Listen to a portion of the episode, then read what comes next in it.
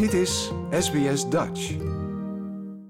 Het idee voor het gemene best van naties ontstond in het begin van de 20e eeuw als reactie op de afnemende Britse imperiale macht.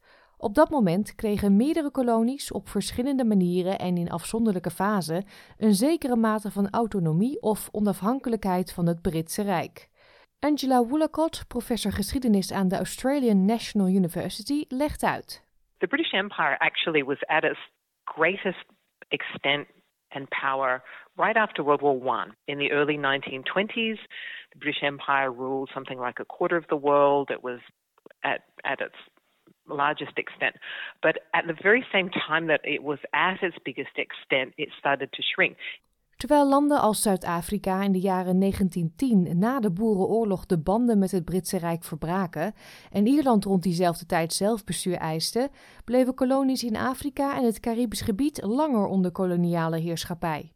In Australië kregen kolonies zelfbeschikking en hadden ze hun eigen parlementen voor de federatie in 1901. Het land begon zijn eigen paspoorten uit te geven in 1948. U hoort nogmaals professor Woolacott. The empire and the Commonwealth overlapped. The Commonwealth started to emerge after World War One, but it was for decades it was called the British Empire and Commonwealth, which reflected the fact that some colonies were gaining autonomy and independence while others were not. In 1947 werden India en Pakistan onafhankelijk, wat dodelijk was voor de macht van het Britse Rijk en zijn politieke invloed op dingen die speelden in zijn koloniën. Dr. Cindy McGreary, hoofddocent geschiedenis aan de Universiteit van Sydney, stelt dat, gezien de opbouw van het gemeenebest rechtstreeks verband hield met de ontmanteling van het Britse Rijk, de werkelijke politieke macht ervan al lang ter discussie stond. Today comprises over 50 nations, most of which are republics. There are, however, some Commonwealth realms like Australia, which, like Britain, has the British monarch as our head of state. Het lidmaatschap van het gemeenebest is vrijwillig en de lidstaten kunnen besluiten toe te treden of te vertrekken, zo legt Dr. McGreary uit. Most members of the Commonwealth now are republics and they uh, decided to have a president in most, most cases as head of state rather than the British monarch.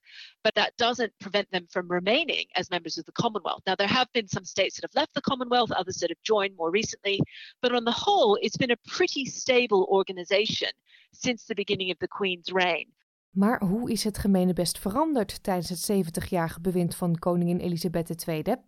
ANU's professor Woolacott gelooft dat een groot deel van de aftakeling van het gemeenebest al plaatsvond voordat koningin Elisabeth in 1952 de troon besteeg, omdat de macht ervan verband hield met het idee van een rijk. In sommige gevallen werd de controle over gekoloniseerde gebieden echter overgedragen aan andere grootmachten. Een voorbeeld hiervan is Hongkong, dat sinds 1841 een kolonie en afhankelijk gebied van het Britse Rijk was, maar in 1997 aan China werd overgedragen. It has shrunk from what it was.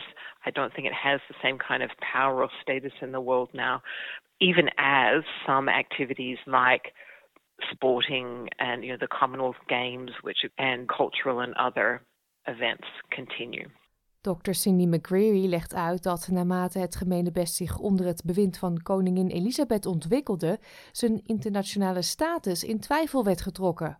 It's hard to really identify what the power of the Commonwealth is, and indeed that's been one of the criticisms made of the Commonwealth, that it hasn't actually done much uh, in the past half century.